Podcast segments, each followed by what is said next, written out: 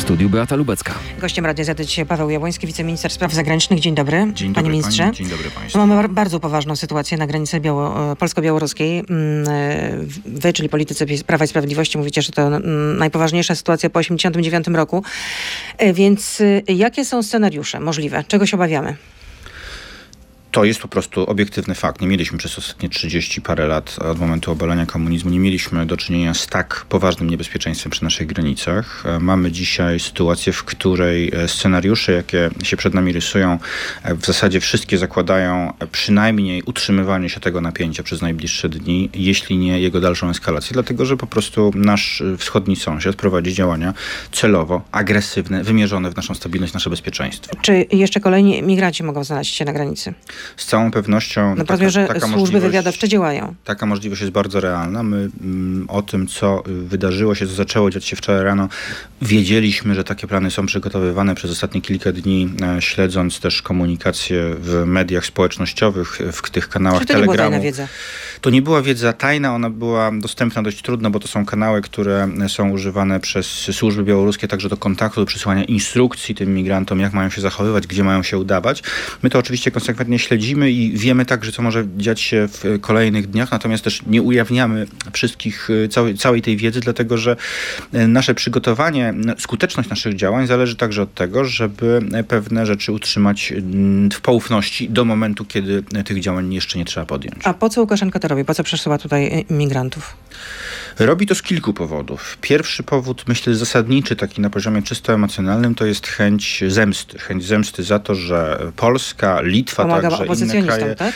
wspierała społeczeństwo obywatelskie, ale przede wszystkim podjęła działania na poziomie międzynarodowym. Sankcje, które zostały nałożone na Łukaszenkę, przede wszystkim te w maju tego roku po porwaniu samolotu Ryanaira, to jest coś, co Białoruś odczuła bardzo dotkliwie. I to jest taki pierwszy poziom czysto emocjonalnej reakcji, odegrania się na państwach, które do tego, do tego tak naprawdę prowadziły.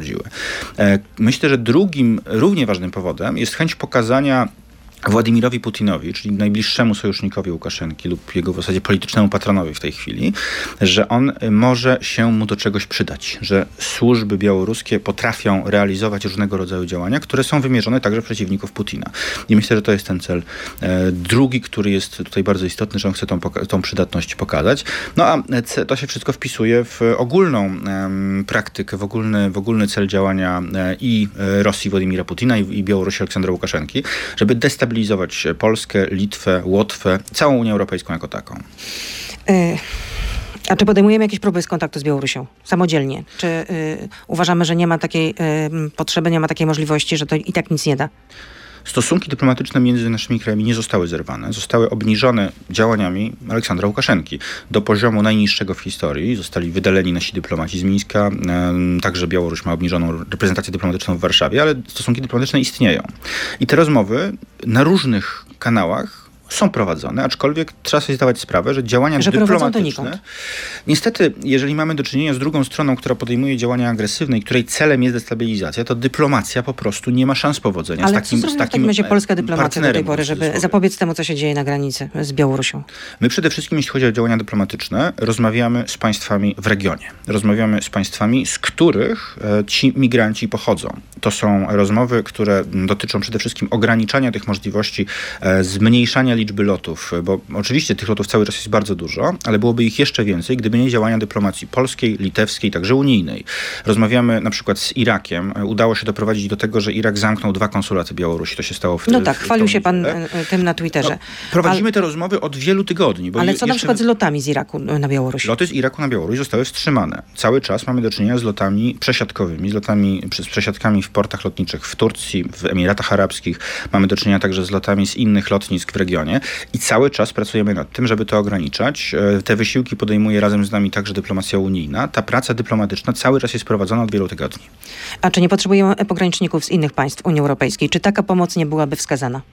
W tym momencie y, skala tego kryzysu jest taka, że jesteśmy w stanie y, radzić sobie własnymi siłami, natomiast wraz z rozwojem tej sytuacji, ze scenariuszami, które przewidujemy, nie wykluczamy także korzystania ze wsparcia naszych sojuszników. Sytuacja jest naprawdę bardzo dynamiczna i bardzo, te scenariusze, niektóre scenariusze są naprawdę bardzo poważne. Zamknięte zostało przejście y, graniczne w Kuźnicy na granicy. Takich przejść jest ogólnie 13, z czym 7 drogowych. Czy pozostałe będą zamykane? Jest taka potrzeba? W zależności od sytuacji będziemy podejmować adekwatne działania, także jeśli chodzi o ograniczanie ruchu drogowego, ruchu towarowego. Wszystkie opcje w tej chwili musimy rozważać, dlatego że sytuacja może eskalować do poziomu znacznie poważniejszego niż dzisiaj. W takiej sytuacji reakcja będzie adekwatna. A czy poprosimy o pomoc NATO? Bo Donald Tusk mówi, że trzeba się zastanowić nad wykorzystaniem artykułu e, czwartego NATO, który mówi, że strony będą wspólnie konsultowały, ilekroć zdaniem którejkolwiek z nich zagrożona będzie integralność terytorialna, niezależność polityczna, polityczna lub bezpieczeństwo którejkolwiek ze stron.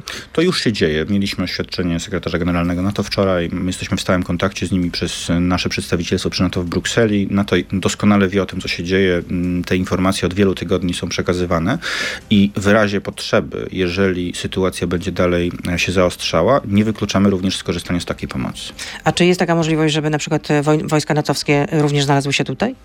Chciałbym, żebyśmy mm, nie musieli doprowadzić do takiej sytuacji, aczkolwiek jestem w stanie sobie wyobrazić, że jeżeli Białoruś, y, służby białoruskie dalej będą eskalować te działania, dalej będą atakować naszą granicę, dalej będą, przecież to mm, robią to oczywiście fizycznie ci migranci, ale oni są instruowani przez służby białoruskie, co mają robić, są im przekazywane narzędzia do ścinania tych drzew, to wszystko widzieliśmy na tych nagraniach. Jesteśmy w takiej sytuacji, że jeśli, sytuacja, jeśli ona się będzie cały czas zaostrzała, to będziemy korzystali z różnych środków. Na razie, na ten moment, polskie służby i wojsko, i policja, i straż Graniczna radzą sobie z zabezpieczeniem tej granicy w takim stopniu, żeby zapobiec wdzieraniu się tych grup e, o charakterze masowym. Oczywiście nie ma stuprocentowo szczelnych granic, pojedyncze osoby się gdzieś miejscami czasami udaje, udaje im się przedostać, wtedy są często zatrzymywane już na terytorium Polski. Natomiast co do zasady, e, w tej chwili polskie siły e, i wojska, i służb sobie z tym radzą. Ale jeżeli sytuacja będzie się zaostrzała, nie możemy wykluczać żadnego scenariusza. A nie jest tak, że gdyby na przykład polska dyplomacja w ramach NATO i przy pomocy NATO porozumiała się z Turcją, y, żeby ograniczyć y, loty na Białoruś, a nawet ich zakazać. Czy sytuacja nie byłaby jednak y, no, dużo, dużo lepsza? Te loty już zostały ograniczone, to znaczy przede wszystkim kontrola jest znacznie szczelniejsza niż była wcześniej. Ale nie, jednak się nie, odbywają. Oczywiście wciąż się odbywają i cały czas nad tym pracujemy. Z Turcją rozmowy także są prowadzone od wielu tygodni i także w ich efekcie ta kontrola dzisiaj jest ściślejsza niż byłaby, gdyby tych działań dyplomatycznych nie było. To, ja sobie zdaję sprawę, że taki najłatwiejszym, najłatwiejszą powiedzmy dychotomią byłoby, byłaby sytuacja zero-jedynkowa. Albo są loty, albo ich nie ma. Ale jest też taka sytuacja, że po prostu natężenie tych lotów jest mniejsze niż niż, gdyby, niż takie, jakie byłoby bez działań dyplomatycznych. Znowu, Polska, Litwa, dyplomacja unijna, te działania były prowadzone od wielu tygodni i one ograniczyły możliwości Łukaszenki. Tam jest dzisiaj kilkanaście tysięcy ludzi na Białorusi, kilkanaście tysięcy migrantów. Gdyby nie działania dyplomacji, to byłoby ich kilkadziesiąt, jeśli nie ponad sto tysięcy. O, niemiecki Bild pisał, że kilku wysokich rangą berlin, berlińskich urzędników do spraw bezpieczeństwa potwierdziło w rozmowie z tą gazetą, że rosyjskie Aeroflot, gdzie 51% udziałów ma państwo i tureckie Turkish Airlines, gdzie z kolei państwo ma 49% udziałów, w decydującym stopniu przyczyniają się do lotniczego przemytu migrantów na Białoruś. Część ludzi podróżuje rzeczywiście tymi liniami. Wiele, wiele linii lotniczych jest wykorzystywanych, natomiast e, są też takie linie lotnicze, które były wykorzystywane czarterowo tylko i wyłącznie do tego i tutaj te loty, które zostały zidentyfikowane w dużym stopniu zostały ograniczone. Pracujemy nad tym cały czas, żeby to ograniczać. Te działania będą podejmowane w najbliższych tygodniach, nawet w najbliższych dniach. To jaki jest scenariusz na najbliższe dni? Niestety e, perspektywy są takie, że przez kilka najbliższych dni sytuacja najprawdopodobniej będzie co najmniej tak samo napięta jak, jak wczoraj i dziś, e, a być może nawet będzie się zaostrzała. To jest e, najbardziej prawdopodobna, najbardziej prawdopodobna prognoza na ten moment, dlatego że Łukaszenka postanowił w tym momencie rzucić w zasadzie wszystkie swoje możliwe siły po to, żeby zdestabilizować polską granicę. I to oczywiście też ma związek z różnego rodzaju działaniami między nim a Władimirem Putinem, tymi działaniami dążącymi do podporządkowania Białorusi władzy Kremla e, i prawdopodobnie w ciągu najbliższych kilku dni będziemy obserwowali dalszą eskalację. Co będzie się działo dalej? Prawdopodobnie będziemy też mieli do czynienia z różnego rodzaju sygnałami, że jest możliwe złagodzenie tych ruchów pod warunkiem zniesienia sankcji na przykład, bo to jest ten zasadniczy cel Łukaszenki, żeby przekonywać opinię publiczną w zachodniej Europie, że jeśli mu się daruje to wszystko, co robił, to on się w tej chwili z tego wycofa. To jest oczywiście strategia błędna, dlatego że to wyłącznie udowodniłoby, że te działania w zasadzie o charakterze państwowego terroryzmu miały, yy, odniosły swój skutek. Trzeba było chwilę poczekać i Unia by te sankcje zniosła. Dlatego właśnie bardzo dobrze, że wczoraj mamy oświadczenie przewodniczącej Komisji Europejskiej, która mówi, że będzie kolejna piąta transza sankcji. I o tym już w części yy, pozaradiowej jesteśmy na Facebooku, na Radio ZPL, na YouTubie, więc proszę zostać z nami. Paweł Jabłoński, wiceszef MSZ, z nami zostaje, Beata Lubecka, zapraszam. No właśnie, to skoro rozmawiamy o kontaktach z Unią Europejską, to Bruksela ponowiła ofertę yy, skorzystania z, z Frontexu. Wysłania Frontexu ale na Jeśli chodzi o Frontex, to współpraca z Frontexem cały czas się odbywa. No dobrze, ale Szef tutaj, Frontexu ale tu... był na granicy. Natomiast trzeba pamiętać, dobrze, że Frontex on był, to jest. On był z inspekcją. To pan, pan mówi, że to jest właściwie y, głównie Frontex urząd. Urząd. tak.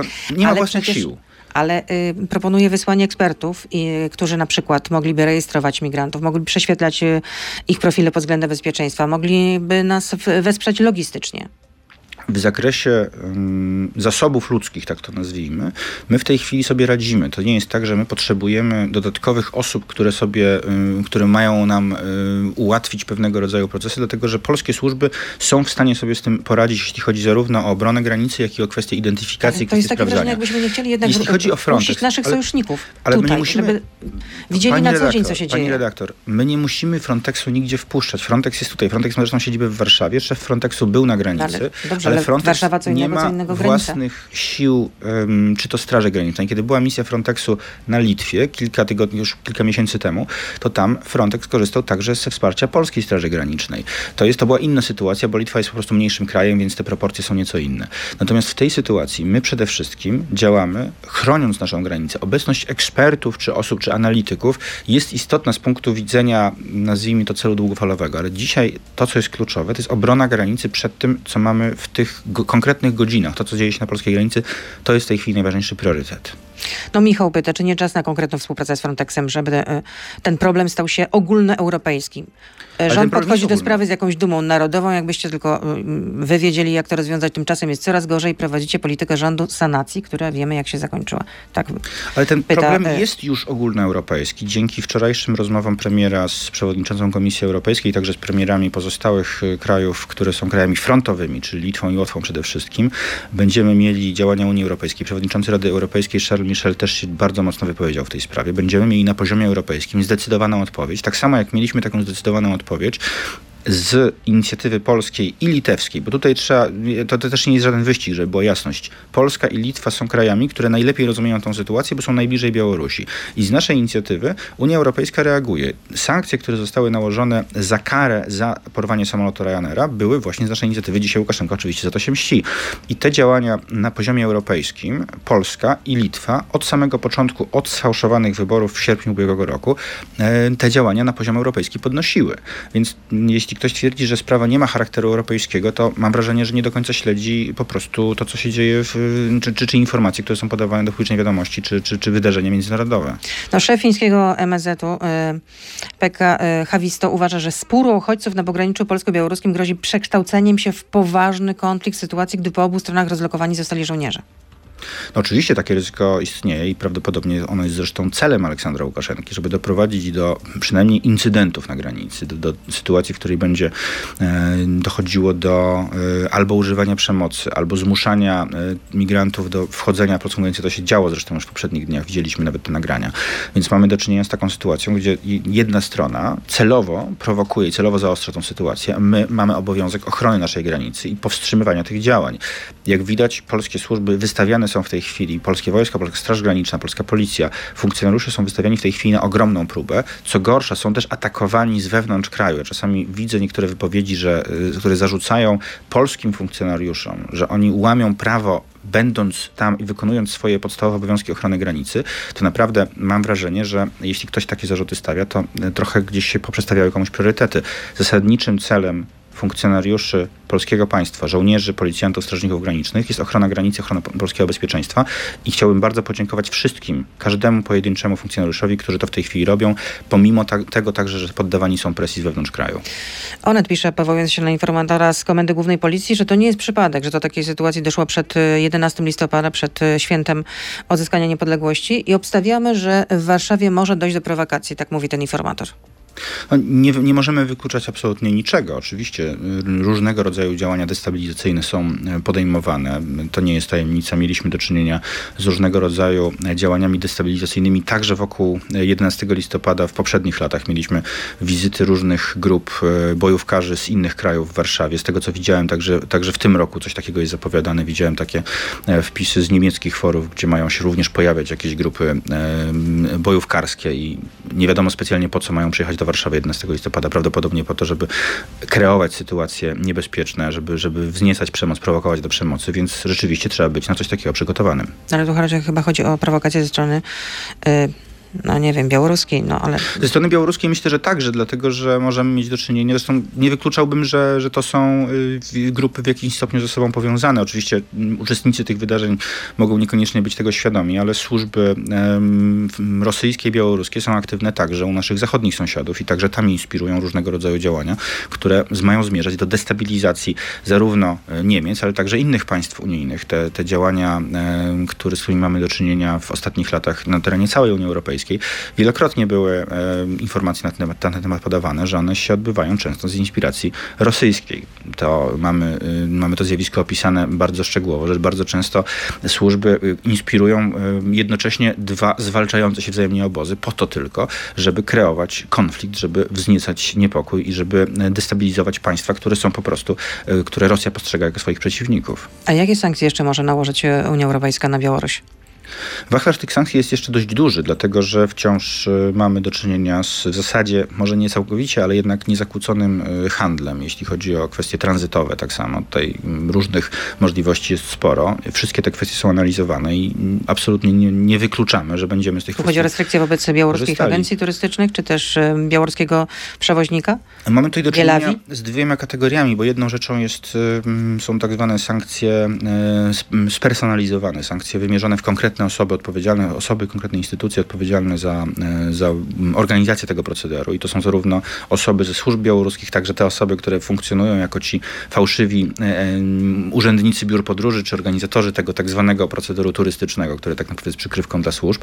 I tutaj mamy tą listę bardzo, bardzo precyzyjną. Te sankcje z pewnością wobec tych osób będą stosowane, ale także możemy mówić o sankcjach horyzontalnych, sankcjach szerokich, sankcjach gospodarczych, które mają też wpłynąć na reżim białoruskiego dyktatora, żeby ograniczył swoje działania, bo to będzie miało po prostu niekorzystne konsekwencje dla, dla, całego, dla całego jego aparatu państwa. A kiedy takie sankcje mogłyby zostać nałożone?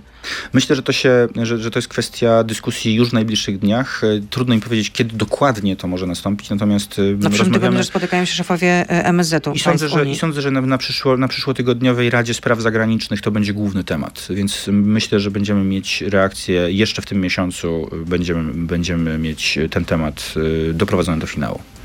Ale to w takim razie kiedy sankcje mogą być nałożone? Od grudnia? Myślę, że, myślę, że jeszcze w tym miesiącu jest szansa, że doprowadzimy tę sprawę do finału i że sankcje będą gotowe, bo praca nad tymi sankcjami się już trochę odbywa. E, czasami ona jest przedłużana przez różnego rodzaju dyskusje wewnętrzne, jak szczegółowo, jak szeroko one powinny iść. Natomiast myślę, że w aktualnej sytuacji, także po wczorajszych, bardzo zdecydowanych wypowiedziach przewodniczącej Komisji Europejskiej, szefa Rady Europejskiej, będziemy mieli e, zdecydowane przyspieszenie i ta decyzja zostanie podjęta w sposób szybki. Tak samo jak zresztą było w maju po porwaniu samolotu Ryanaira.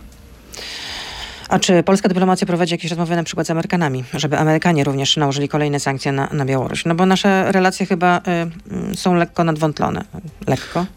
Nie powiedziałbym, że są nadwątlone. Myślę, że są mniej intensywne niż, niż mogłyby być. My nie jesteśmy mm, entuzjastami wszystkich posunięć Stanów Zjednoczonych. To nie jest tajemnicą, że nie, niezbyt korzystnie oceniamy na przykład zmianę polityki amerykańskiej w stosunku do Nord Streamu. Tutaj mm, bardzo jednoznacznie wyrażamy nasze negatywne stanowisko w tej sprawie, bo uważamy, że to jest też e, jakby wycofanie się z tych sankcji jest pośrednią przyczyną tego, że dzisiaj mamy do czynienia z rosnącymi cenami gazu, no bo dzięki temu, że Nord Stream e, został dokończony, no to e, Putin i jego ludzie mają ten lewar, który, który chcą wykorzystywać po to, żeby właśnie, no, chcą doprowadzić do, do, do certyfikacji tego gazociągu i przez to właśnie ograniczane są dostawy, żeby na, na, na Europie wymóc e, szybszą e, procedurę. Natomiast generalnie, jeśli chodzi o Stany Zjednoczone, my pozostajemy w bardzo bliskich relacjach. W tej sprawie także mieliśmy w nocy oświadczenie Departamentu Stanu i myślę, że te sankcje będą, jeśli mówimy czy, czy to o sankcjach, czy innych formach reakcji, to będzie skoordynowane także z działaniami Polski, z działaniami Unii Europejskiej. Paweł Jabłoński z nami, wiceszef polskiego e, MSZ-u, gościem Radia Z. Cztery laureatki e, Literackiej Nagrody Nobla, w tym Olga Tokarczuk, e, napisały wspólny apel do Rady Europy i Parlamentu Europejskiego w sprawie katastrofy humanitarnej na wschodniej granicy Unii Europejskiej, na granicy polsko-białoruskiej. I napisały tak, nie odwracajmy oczu od tragedii.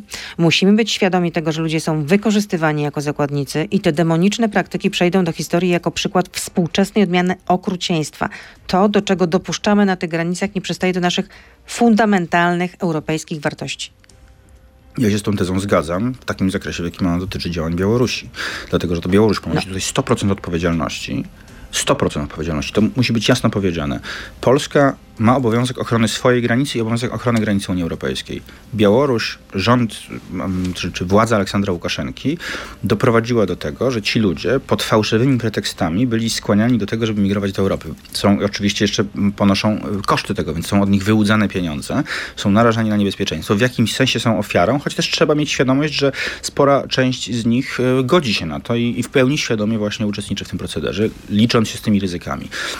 No ale jeżeli jesteśmy w takiej sytuacji, że ci ludzie są do tego zmuszani, a część e, intelektualistów, no niestety pani Olga Tokarczuk abstrahuje zupełnie w tej chwili od, od e, jej dorobku literackiego, bo to jest coś zupełnie innego niż jej działalność publiczna. Ja pamiętam taką jej wypowiedź, w której ona w zasadzie twierdziła, że e, sytuacja w Polsce, jeśli chodzi o różne kwestie związane z funkcjonowaniem państwa, jest sytuacją taką samą jak na Białorusi. No jeżeli ktoś tego rodzaju tezy czasami potrafi stawiać, to nie świadczy to zbyt dobrze o e, jego postrzeganiu rzeczywistości. Ale skupmy się na tej sytuacji. Da, dalej e, doczytam. Jak najszybciej, e, pisarki apelują o jak najszybsze i jak najskuteczniejsze rozwiązanie tego humanitarnego kryzysu, umożliwienie rozpoczęcia procedury azylowej tym wszystkim, którzy o to proszą, a zostali zatrzymani w tej części wschodniej granicy Unii Europejskiej.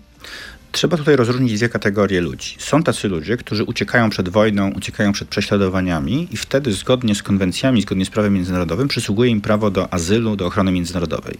Z taką grupą ludzi mieliśmy do czynienia w sierpniu, kiedy Polska przyjęła około 1300 osób z Afganistanu. To byli przede wszystkim ludzie z, współpracujący czy to z Polską, czy z naszymi sojusznikami. Znaczna część tych ludzi później następnie przemieszczała się także do tych krajów, z którymi współpracowała.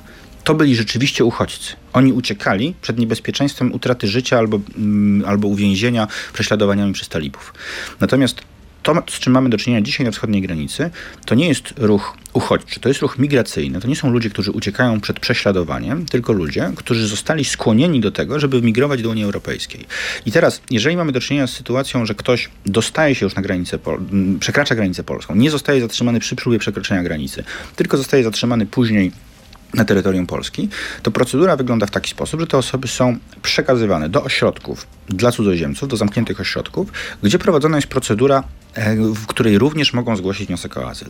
Jeżeli mamy do czynienia z taką sytuacją, a to nie jest tajemnica, że wiele z tych osób siedzi, po prostu ale, nie chce tego wniosku azylowego no, zgłaszać w Polsce, widzimy, bo chce go zgłosić w Niemczech. Widzimy obrazy ludzi, którzy po prostu są w dramatycznej sytuacji.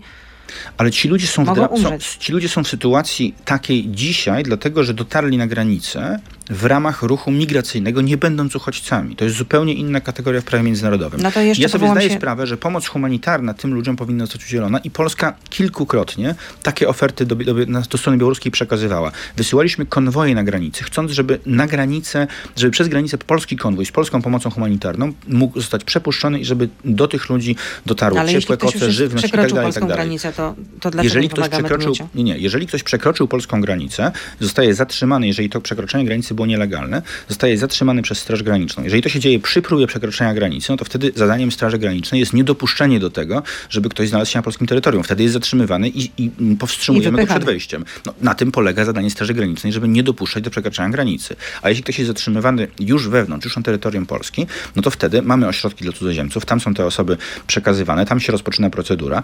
No i niestety zasadnicza większość, w tym przypadku w zasadzie mówimy o, o, o 100%, bo to nie są ludzie, którzy uciekają przed wojną. To są migranci, którzy nie spełniają kryteriów do uzyskania azylu po prostu, a część z nich w ogóle nie chce tego azylu, tylko mówią, że chcą dostać się do Niemiec. No to niestety nie na tym to polega, że można sobie wybierać dowolny kraj, y, jeśli chce się uzyskać ochronę międzynarodową. No to jeszcze powołam się na krakowskiego biskupa Damiana y, Moskusa, który napisał na Facebooku Cytuję. U nas kryzys wciąż trwa, a nawet się pogłębia. Zdaje się, że społeczeństwo zaczyna coraz bardziej wierzyć prowadzonej przez publiczne media narracji odczłowieczającej uchodźców, czego efektem jest fakt, że nie widzi się w nich zziębniętych, przestraszonych, głodnych i chorych ludzi, a jakieś abstrakcyjne zagrożenie.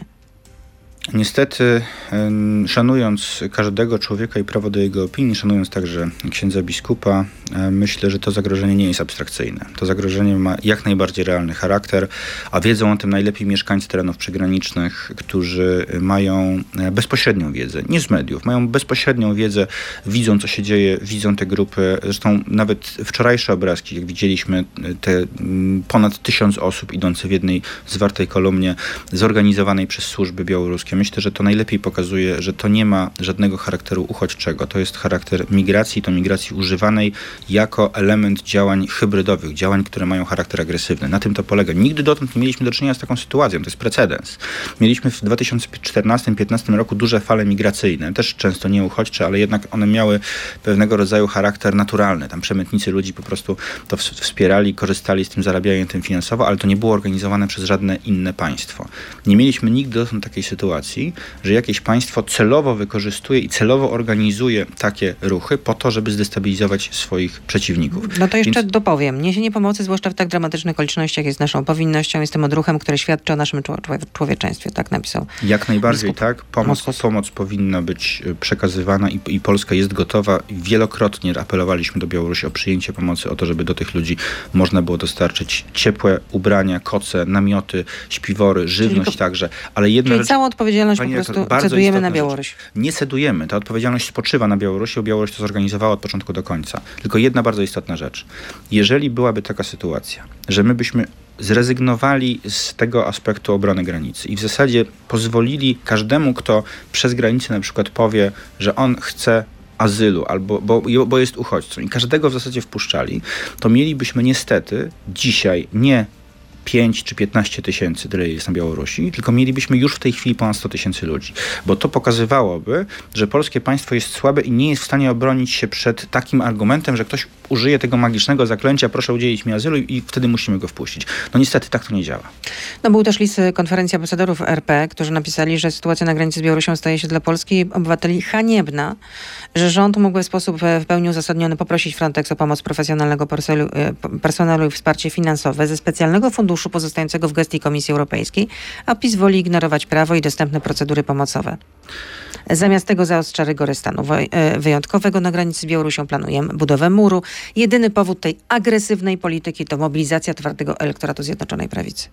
No więc ja mogę powiedzieć jedynie tyle, że cieszę się, że to jest konferencja byłych ambasadorów RP, bo jeśli ktoś w ten sposób wypowiada się o polityce państwa, które ma obowiązek konstytucyjny zapewnienia nienaruszalności granicy, ma obowiązek wynikający z prawa międzynarodowego, ochrony granicy zewnętrznej Unii Europejskiej. Jeżeli ktoś działania zmierzające do wykonania tego obowiązku nazywa agresywnymi działaniami i stara się dezawuować działania państwa polskiego, przerzucać na państwo polskie odpowiedzialność za kryzys wywołany przez Łukaszenkę, to dobrze, że takie osoby nie są już ambasadorami RP. Mam nadzieję, że nigdy do tych ambasadorskich funkcji nie powrócą.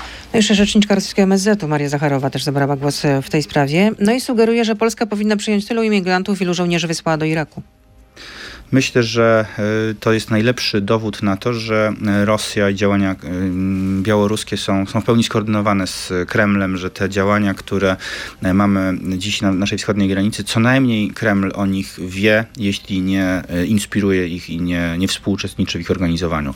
Niestety mamy tutaj do czynienia z działaniami, które mają przede wszystkim zdestabilizować państwo polskie, jeśli dzisiaj e, mówimy o sytuacji, jaka jest w Iraku, Irak nie jest dzisiaj państwem, w którym toczy się wojna, nie jest państwem, z którego ludzie muszą uciekać przed prześladowaniami. Irak nie jest cały czas państwem stuprocentowo stabilnym. Mieliśmy do czynienia nawet w, w, ten weekend z próbą zamachu na życie premiera, więc nie jest to państwo z pewnością, w którym warunki życia są takie jak w Niemczech, we Francji czy, czy nawet w Polsce, ale mimo wszystko nie jest to państwo, które w ramach umów, w ramach e, kryteriów międzynarodowych spełnia te kryteria państwa, z którego przemieszczając się można powoływać się na prześladowania po to, żeby uzyskiwać azyl polityczny ochrony międzynarodowej, ochronę międzynarodową. Po prostu tak nie jest, dlatego że bardzo jasno jest określone w konwencjach, kto może status uchodźcy uzyskać. Jeżeli w kraju nie toczy się wojna, nie ma prześladowań, to po prostu tych kryteriów, te kryteria nie zostały spełnione. A dlaczego pan prezydent nie zwołuje Rady Bezpieczeństwa Narodowego? Nie należałoby się w tej sprawie skonsultować jednak z opozycją? Opozycja y, nie może poznać, co się dzieje?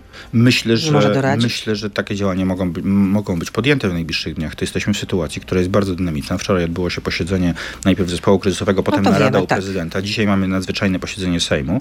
Myślę, że działania kolejne będą podejmowane. Przedstawiciele opozycji są na bieżąco informowani o sytuacji. To nie jest tak, że nie mają dostępu do tego, co się dzieje. Jak to są Mają, mają tą wiedzę. Było posiedzenie Sejmu w, jeszcze, jeśli dobrze pamiętam, we wrześniu, czy, czy na przełomie września i października. I to było posiedzenie Sejmu pod klauzulą, e, jeśli dobrze pamiętam, tajności.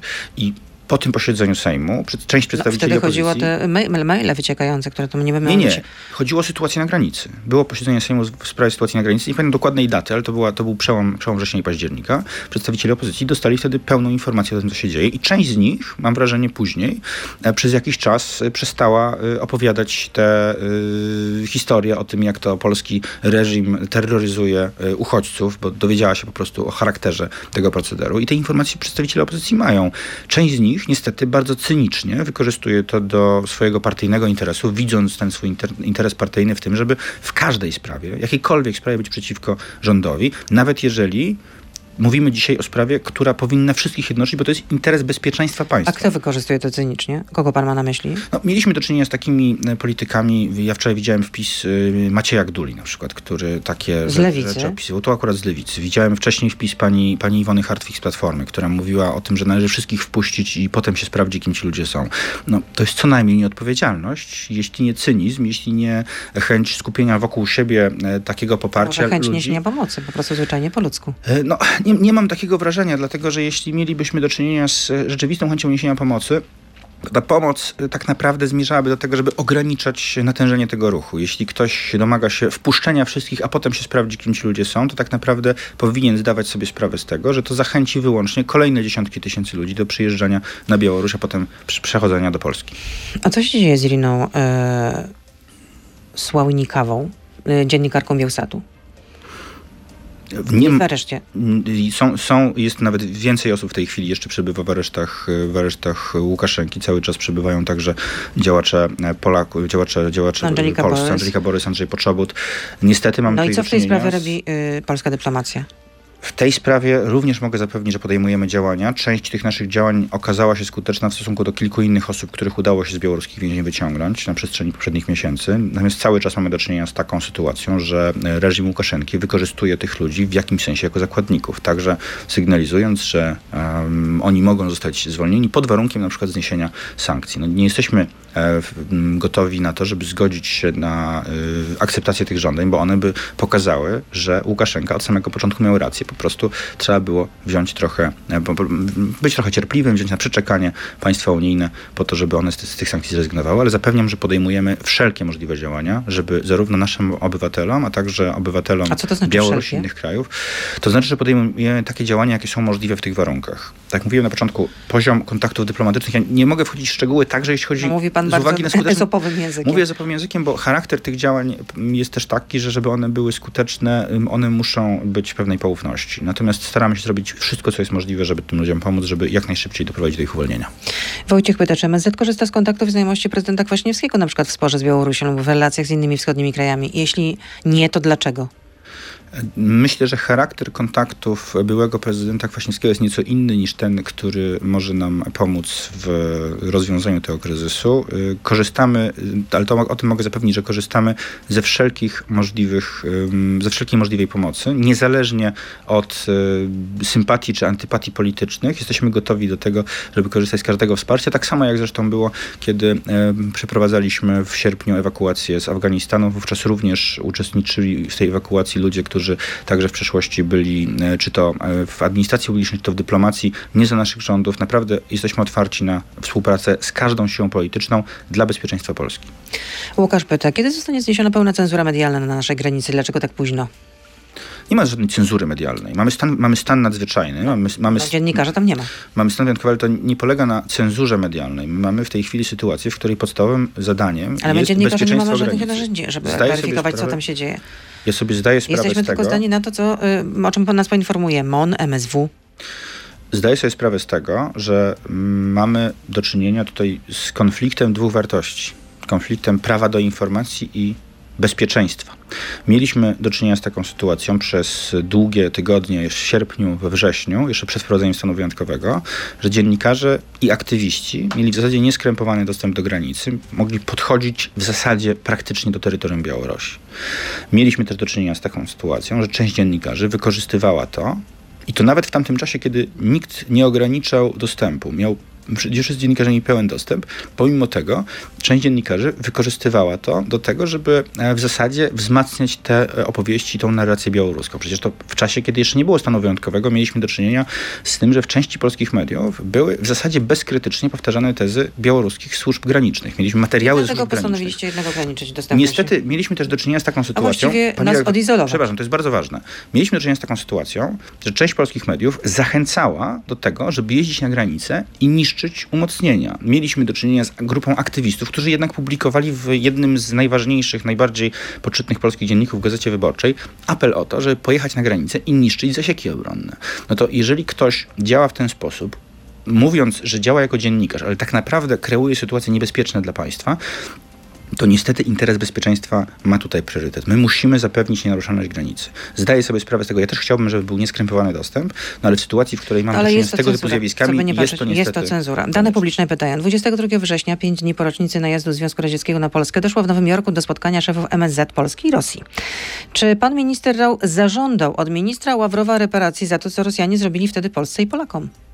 Ta sprawa oczywiście nie jest y, zakończona. E, Ta sprawa dotycząca e, czy to kwestii odpowiedzialności za szkody wyrządzone w trakcie II wojny światowej, czy to jeśli chodzi o Niemcy, czy to jeśli chodzi o Związek Radziecki, nie została e, nigdy w sposób taki, który można by nazwać zadośćuczynieniem pełnym rozwiązana.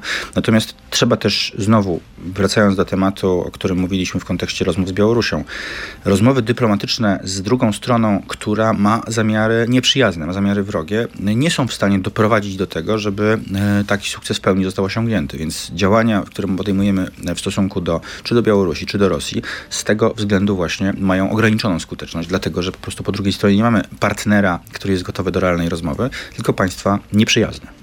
A jak się czuje pan minister pana szef? Dobrze, czuje się dobrze, wrócił do pracy. Wczoraj uczestniczył w posiedzeniu zespołu kryzysowego w naradzie u prezydenta. Jest y, już y, w, pełni, y, w pełni w dobrej formie. Bardzo dziękuję za, Czyli- za, za, tro- za troskę i za, za wszystkie zmiany, wyrazy czyli zmiany nie będzie. Na, też pojawiły się takie pogłoski, jakoby miało dojść do zmiany na, e, Nie, no na to, szczycie to resortu. kompletny, kompletny wymysł, wyssane z palca informacje.